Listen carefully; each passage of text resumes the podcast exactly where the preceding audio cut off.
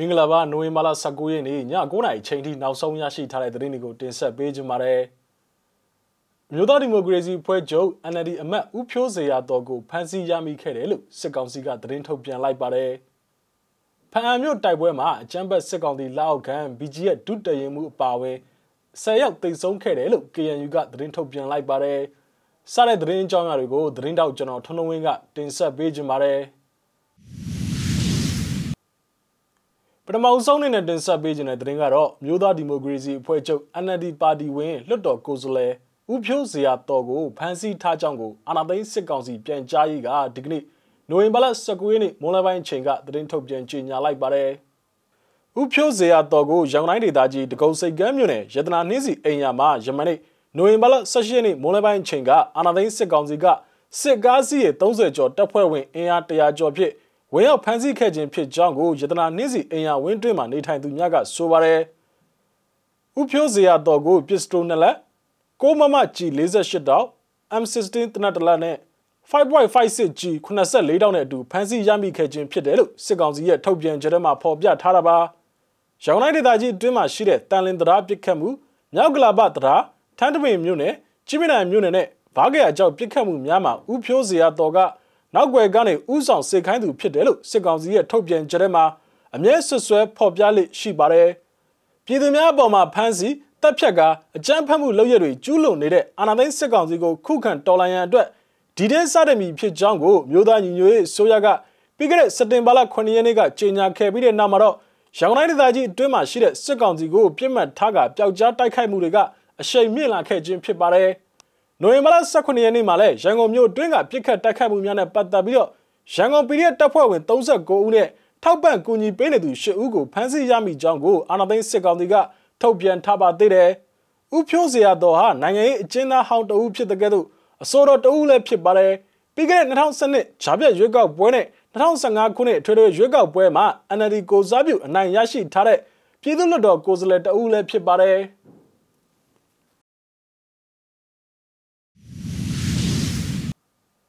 ဆက်လက်ပြီးတင်ဆက်ပေးခြင်းတဲ့တင်ကတော့မကွေးတိုင်းဒေသကြီးစိတ်ဖြူမြို့နယ်အနောက်ကမ်းဖြူကျေးရွာနီးမှာရှိတဲ့စစ်ကောင်စီကပိုင်ဆိုင်တဲ့မိုင်တဲတာဝါတိုင်းကိုယမနေ့နိုဝင်ဘာလ16ရက်နေ့ည9:00နာရီခန့်အချိန်ကဖောက်ခွဲဖျက်ဆီးခဲ့ကြောင်းကို King Fighter FGF အဖွဲ့ဝင်တို့ကဆိုပါတယ်။ရွာနဲ့အရန်နီးနေလို့မိုင်းတော့မခွဲခဲ့ပါဘူး။လက်ပစ်ပုံတစ်လုံးပဲပစ်လိုက်တာရွာမှာကတက်ကြီးရွယ်အိုတွေနဲ့နှလုံးယောဂသမားတွေရှိလို့ပါလို့၎င်းကဆိုပါတယ်။ ဆိုပါလှုပ်ဆောင်မှုကလေးချိန်မြောက်ဖောက်ခွဲမှုဖြစ်တယ်လို့၎င်းကထပ်မံပြောဆိုပါတယ်။ပေါ့မြို့နယ်ထန်တော်ဥရွာနီးမှာလဲစတင်ဘာလ9ရက်နေ့ကပထမဆုံးအကြိမ်ဖောက်ခွဲခဲ့ပြီးတော့ဒုတိယအကြိမ်ဖြစ်စတင်ဘာလ9ရက်နေ့ကပေါ့မြို့နယ်ဘိုကုန်းကျေးရွာနီးမှာဖောက်ခွဲခဲ့တယ်လို့ဆိုပါတယ်။တတိယအကြိမ်ဖြစ်စိတ်ဖြူမြို့နယ်အင်ကန်ကျေးရွာနီးမှာရှိတဲ့တာဝါတိုင်ကိုအော်တိုဘာလ31ရက်နေ့ကဖောက်ခွဲမှုတွေလှုပ်ဆောင်ခဲ့ပါသေးတယ်လို့သူကဆိုပါတယ်။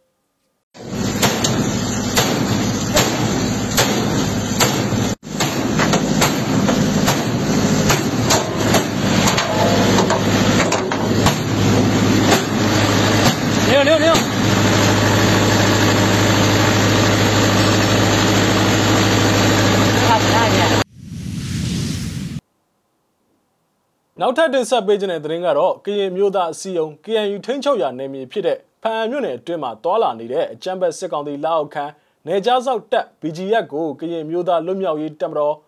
KNL တပ်မဟာ1တရင်1မှာတိုက်ခိုက်ခဲ့ရမှာ နေကြားဆောက်တပ် BGF မှာဒုတရင်မှုတူအပါဝင်10ရောက်သေဆုံးပြီးတော့9ဦးထပ်မံထိခိုက်ဒဏ်ရာရရှိခဲ့တယ်လို့သိရပါတယ်။နိုဝင်ဘာလ19ရက်နေ့ကဖြစ်ပွားခဲ့တဲ့တိုက်ပွဲ3ကြိမ်မှာစစ်ကောင်စီလက်အောက်ခံနေကြားဆောက်တက် BG ရဲ့ဒုတရင်မှုအပါဝင်10ရောက်သေဆုံးပြီးတော့9ဦးထပ်မံထိခိုက်ဒဏ်ရာရရှိခဲ့ကြောင်းကိုဒုသထုခရိုင်ကသတင်းထုတ်ပြန်ခဲ့ပါသေးတယ်။ဒီကနေ့နိုဝင်ဘာလ19ရက်နေ့နနက်တနာရီဝန်းကျင်ချိန်ခန့်ကဖအံမြို့နယ်မေတနာကျေးရွာအုပ်စု ကြော်ကဲခီကျေးရွာနီမှာ BG ရဲ့ကိုသုံးလုံးတက်မှာတက်နယ်သုံးမှုစောလာတစ်ဦးဦးဆောင်တဲ့ရင်တန်းကို KNL တက်မှာတစ်တရင်တစ်ကပြစ်ခတ်တိုက်ခိုက်ခဲ့ရမှာဗီဂိုမျိုးဆက်ကားနစီပျက်စီးခဲ့ပြီးတော့နေကြားဆောက်တက် BGF တပ်ဖွဲ့ဝင်9ဦးသေဆုံးက9ဦးထိခိုက်ဒဏ်ရာရရှိခဲ့တယ်လို့ဆိုပါတယ်။ဆက်လက်ပြီးတော့မုံလဲ2နိုင်ဝင်းကျင်ချိန်ခန့်ကကြော်ကဲခီကျေးရွာနဲ့ဖလန်တောင်ကျေးရွာမှာနုပနာပူကလမ်းမပေါ်မှာစောလာတစ်နဲ့မက်ဖို့တင်ဝင်း ပူပေါင်းအဖွဲ့တို့မောင်းနှင်လာတဲ့ရင်တန်းကိုတိုက်ခိုက်ခဲ့ရမှာ BGF ကိုတော်လုံးတပ်မှလာအောက်ခံဒုတက်ရင်မူစောကြော့ဖောပါဝင်၃ဦးသေဆုံးပြီးတော့ကားတစ်စီးလည်းပျက်စီးခဲ့ပါသေးတယ်ညနေ9:40မိနစ်40ချိန်မှာတော့တကောင်းငေါဘောတပြုကျေးရွာဝင်းမှာဆောလာတစ်ဥဆောင်တဲ့ရင်တန်းကိုမိုင်းဆွဲတိုက်ခတ်ခဲ့မှုကြောင့်သေဆုံးမှုများနဲ့ထိခိုက်ဒဏ်ရာရရှိမှုများရှိခဲ့ကြောင်းကိုလည်းသတင်းထုတ်ပြန်ကြတဲ့မှာဖော်ပြထားပါသေးတယ်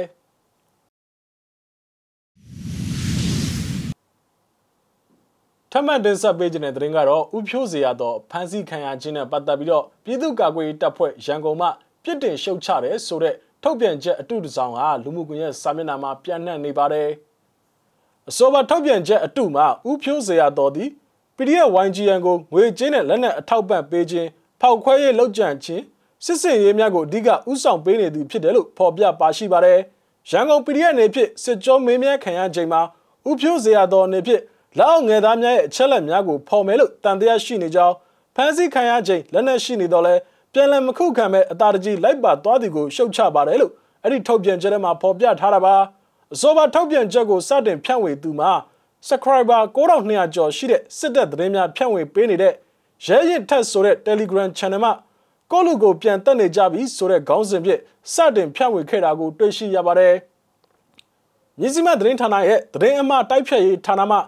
ရန်ကုန်စစ်ဒေသခွဲကာကွယ်ရေးအဖွဲ့ရဲ့သတင်းပြန်ကြားရေးနဲ့စိုက်တဲ့စစ်စင်ရေးတာဝန်ခံတန်းဆက်သွယ်မေးမြန်းရမှာသတင်းမှဖြစ်ပါတယ်ဒီအဖွဲ့ကရှိကိုမရှိတာပါလို့ပြန်လည်ဖြေကြားခဲ့ပါတယ်အဲ့ဒါကြောင့်ဥဖြိုးစရာတော့ဟာအဖမ်းခံရချိန်မှာပြန်မခုခံပဲအသားတကြီးလိုက်ပါသွားခြင်းကိုရန်ကုန်တိုင်း PDF မှရှုတ်ချတယ်ဆိုတဲ့ထုတ်ပြန်ချက်မှာထုတ်ပြန်ချက်အတုသာဖြစ်ပါတယ် နောက်ဆုံးနေ့နဲ့တင်ဆက်ပေးခြင်းတဲ့သတင်းကတော့မန္တလေးတပိတ်အင်အားစုတပိတ်စစ်ကြောင်းကဥဆောင်ကမိတို့များကင်ဆောင်ပြီးတော့ဒီကနေ့နိုဝင်ဘာလ19ရက်နေ့ညနေပိုင်းအချိန်ကမန္တလေးမြို့တနေရာမှာအကြမ်းဖက်စစ်အာဏာရှင်အလုံးမရှိကြောင်းကိုလမ်းလျှောက်ချီတဲ့ဆန္ဒပြခဲ့ကြပါတယ်ဆန္ဒပြဗီဒီယိုဖိုင်ကိုဖွင့်ပြခြင်းပါတယ်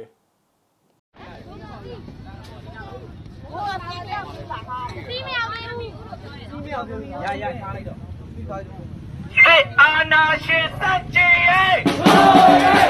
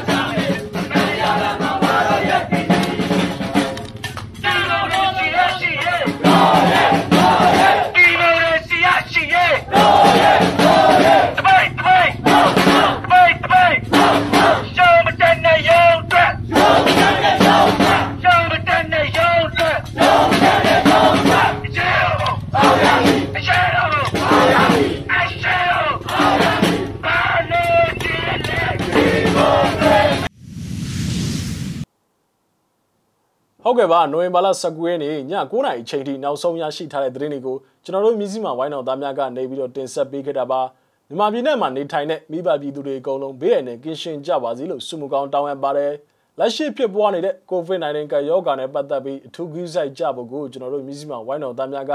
တိုက်တွန်းနှိုးဆော်ခြင်းပါတယ်နောက်ထပ်ရရှိလာမယ့်သတင်းတွေအတူတူကျွန်တော်တို့ပြန်လာခဲ့ပါမယ်